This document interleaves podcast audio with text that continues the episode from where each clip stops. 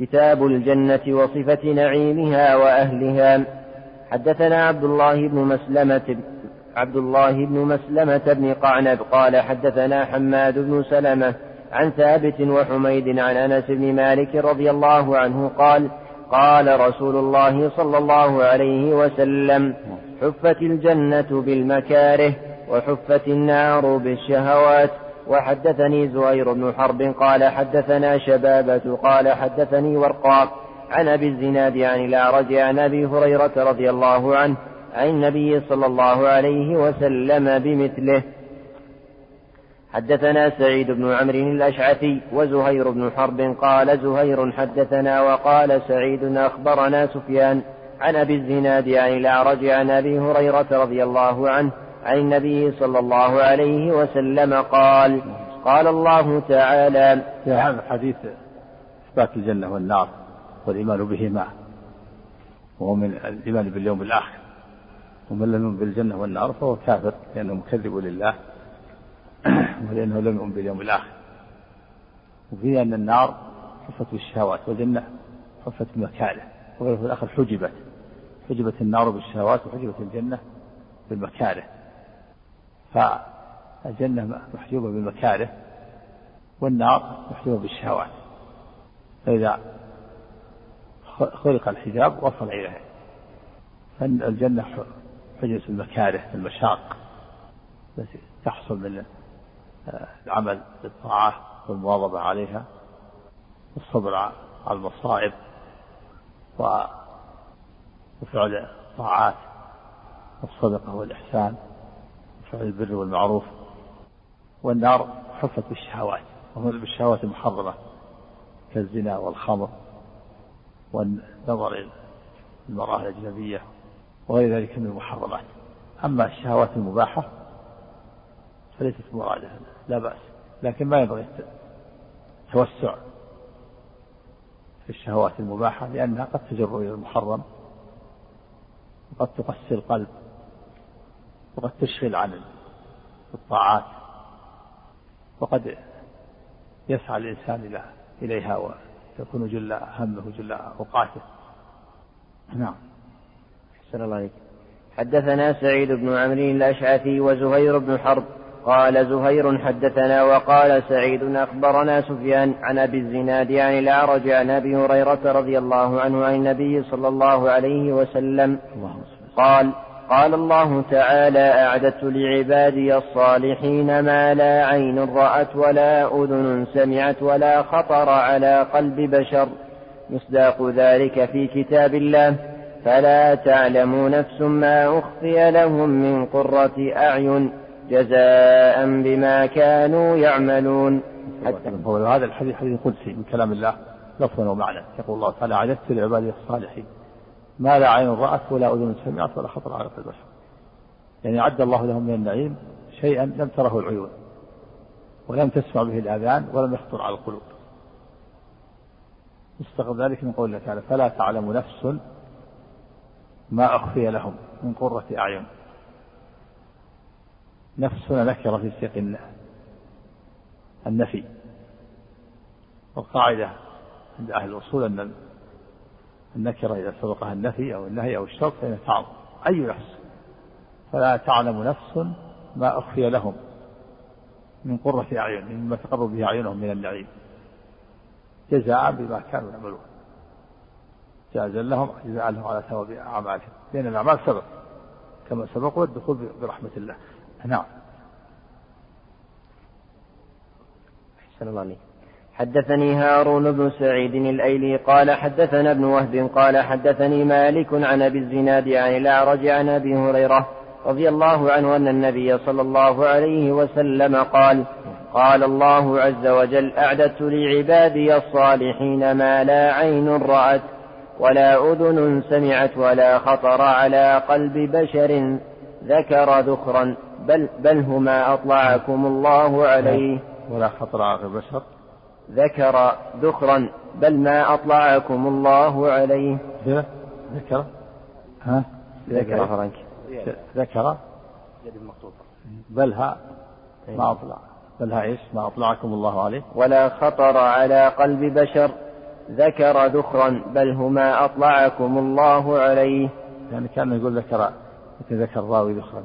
بل ما أطلعكم عليه. قيل بل يعني غير ما أطلعكم الله عليه. وقيل معناها كيف؟ وقيل المعنى. يعني ما هذا ما أطلعكم الله عليه فكيف بما لم يطلعكم عليه؟ يعني دع يعني دع, دع عنك ما أطلعكم الله عليه فكيف بما لم يطلعكم الله عليه؟ بل قيل بمعنى دع دع ما أطلعكم دع ما أطلعكم الله فكيف ما لم يطلعكم؟ أو بمعنى غير غير ما أطلعكم الله عليه أو بمعنى كيف؟ نعم كيف ما أطلعكم الله عليه؟ نعم شو ذكر إيش؟ ها؟ على إيش؟ لا ذكر في بعض قال عفوا وفي بعض النسخ آه، أطلعتكم عليه هكذا هو في رواية أبي بكر بن أبي شيبة ودخرا في جميع النسخ وأما رواية وأما رواية هارون بن سعيد الأيلي المذكورة قبلها ففيها ذكر ففيها ذكر في بعض النسخ وذخرا كالأول في بعضها.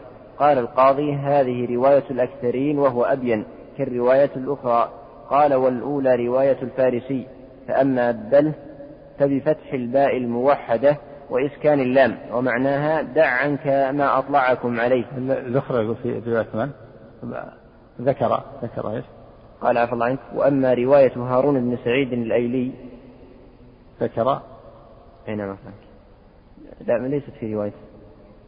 قرأت أول ما قرأت ذكر أين فرانك ذكر ذخرا بل هو ما أطلعكم الله عليه.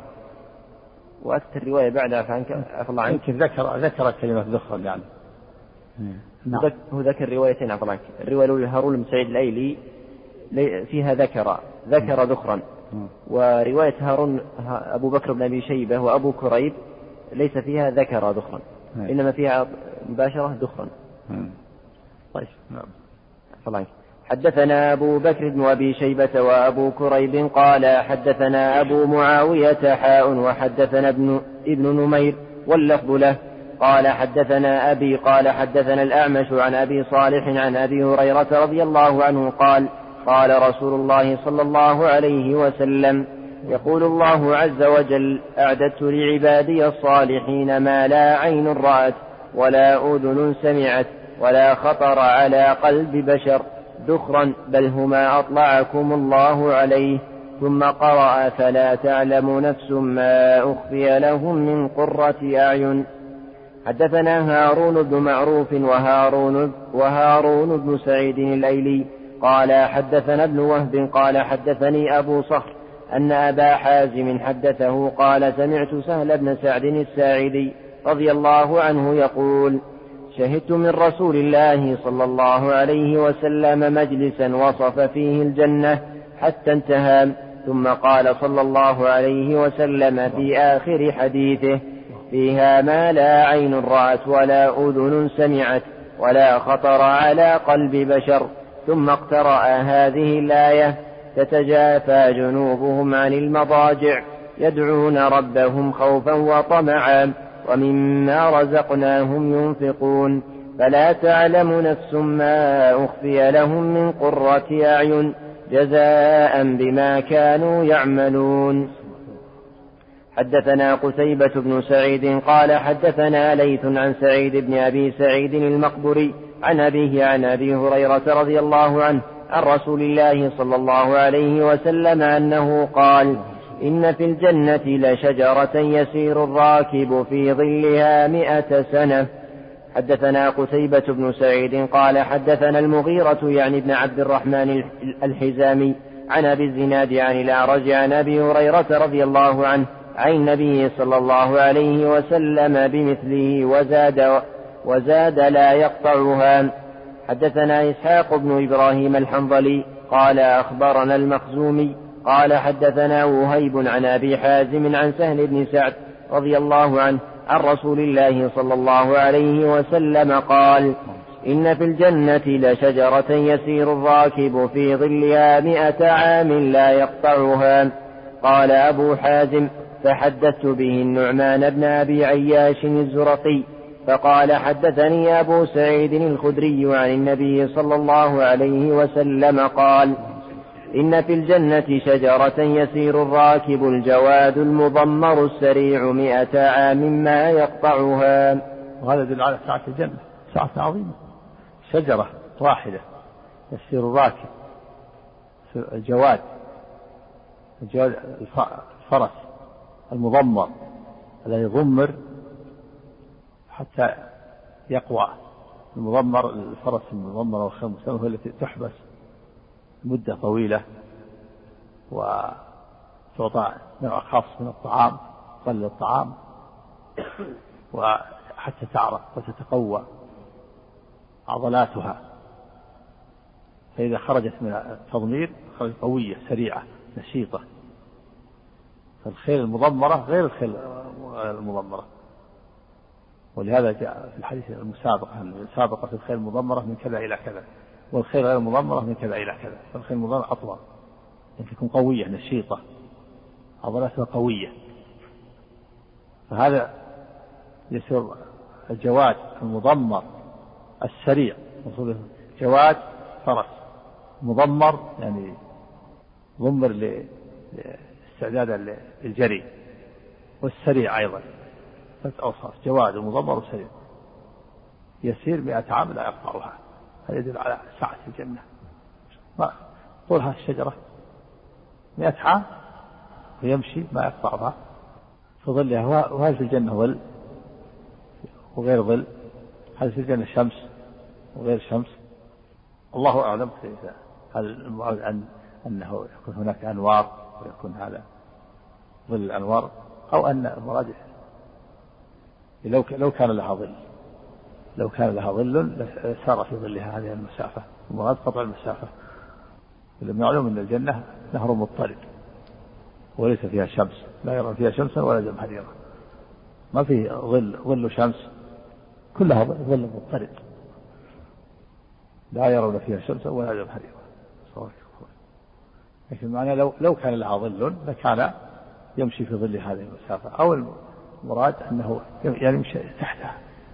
تحتها وفي كما قال وفي كنفها وسترها يمشي تحتها. ومشى تحتها كأنه مشى في ظلها. أو أنها يكون من الأنوار إشكال العين أو الأبي عليه. قوله عليه الصلاة والسلام إن في الجنة شجرة. قال العلماء والمراد بظلها سنفها أو ذراعها أو ذراعها أو ما يسر يسر أرقامها. هو كنفها في ظلها أي راحتها. إيش؟ قال العلماء. قوله عليه الصلاة والسلام إن في الجنة شجرة قال العلماء والمراد بظلها كنفها وذراعها وهو ما يسر أغصانها انتهى النووي في ظلها أي راحتها. وذراها ونعيمها. هذا هو المناوي. في ظل. يمشي تحتها نعم. نعم. أحسن الله عليك. حدثنا محمد بن عبد الرحمن بن سهم قال أخبرنا عبد الله بن المبارك قال أخبرنا مالك بن أنس حاء وحدثني هارون بن سعيد الأيلي واللفظ له قال حدثنا عبد الله بن وهب قال حدثني مالك بن أنس عن زيد بن أسلم عن عطاء بن يسار عن أبي سعيد الخدري رضي الله عنه أن النبي صلى الله عليه وسلم قال إن الله تعالى يقول لأهل الجنة يا أهل الجنة فيقولون لبيك ربنا وسعديك والخير في يديك فيقول هل رضيتم؟ فيقولون وما لنا لا نرضى يا رب وقد أعطيتنا ما لم تعط أحدا من خلقك فيقول ألا أعطيكم أفضل من ذلك؟ فيقولون يا رب وأي شيء أفضل من ذلك؟ فيقول أحل عليكم رضواني فلا أسخط عليكم بعده أبدا. هذا أفضل نعيم صح إن الله يحل عليه رضوانه. لهذا قال أنا أفضل من ذلك. قال وما أفضل من ذلك؟ قال أحل عليكم رضواني. من أحل الله عليه رضوانه فقد أعطاه. أعظم نعيم. ومن ذلك التمتع بالنظر إلى وجه الله الكريم. نعم.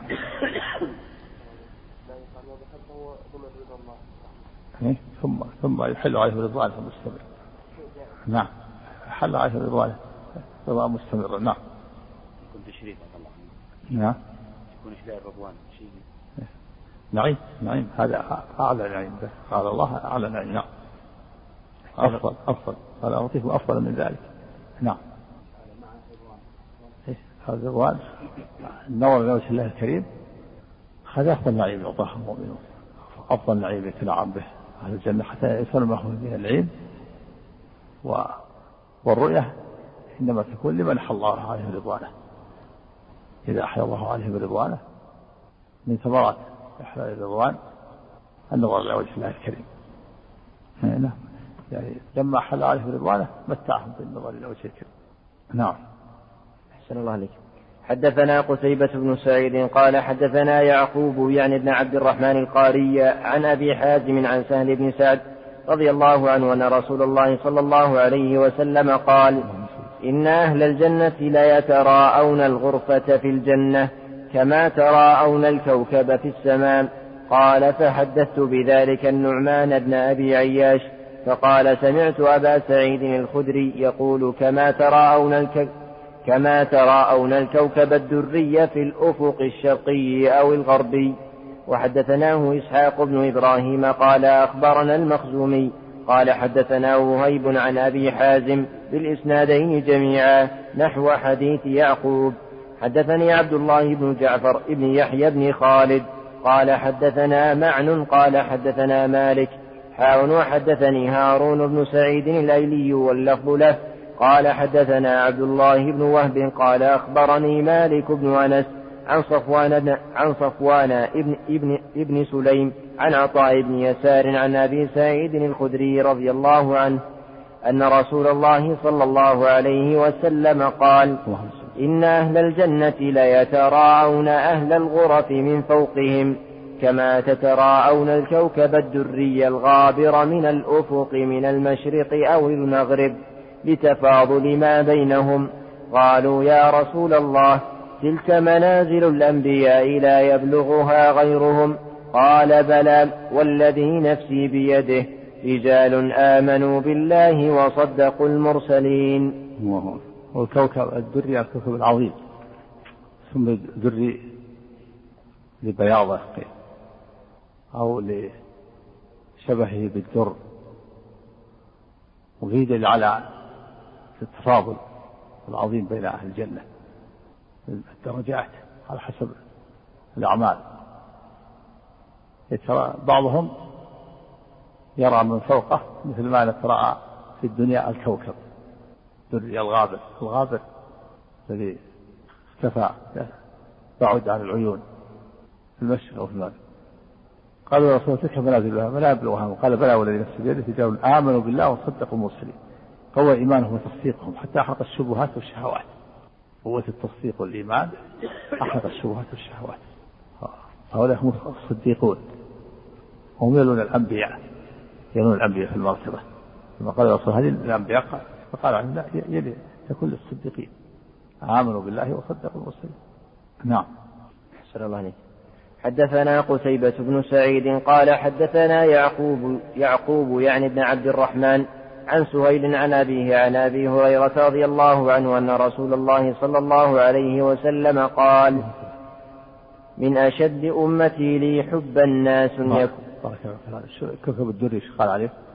قال عفى الله عنك والكوكب الدري فيه ثلاث لغات قرئ بهن في السبع. لا بعد بعد قال عفى الله عنك. وهو الكوكب العظيم. قيل سمي دريا لبياضه كالدر. وقيل لإضاءته نعم. وقيل لشبهه بالدر. يعني لبياضه إما لكل بياضه أو لشدة إضاءته أو لشبهه بالدر. صفحة كم؟ وقفت عليه؟ عفوا عنك 168 نعم إن شاء الله بعد العيد إن شاء الله أخذ دروس غدا إن شاء الله. بعد العيد إن شاء الله تستأنف في الدراسة.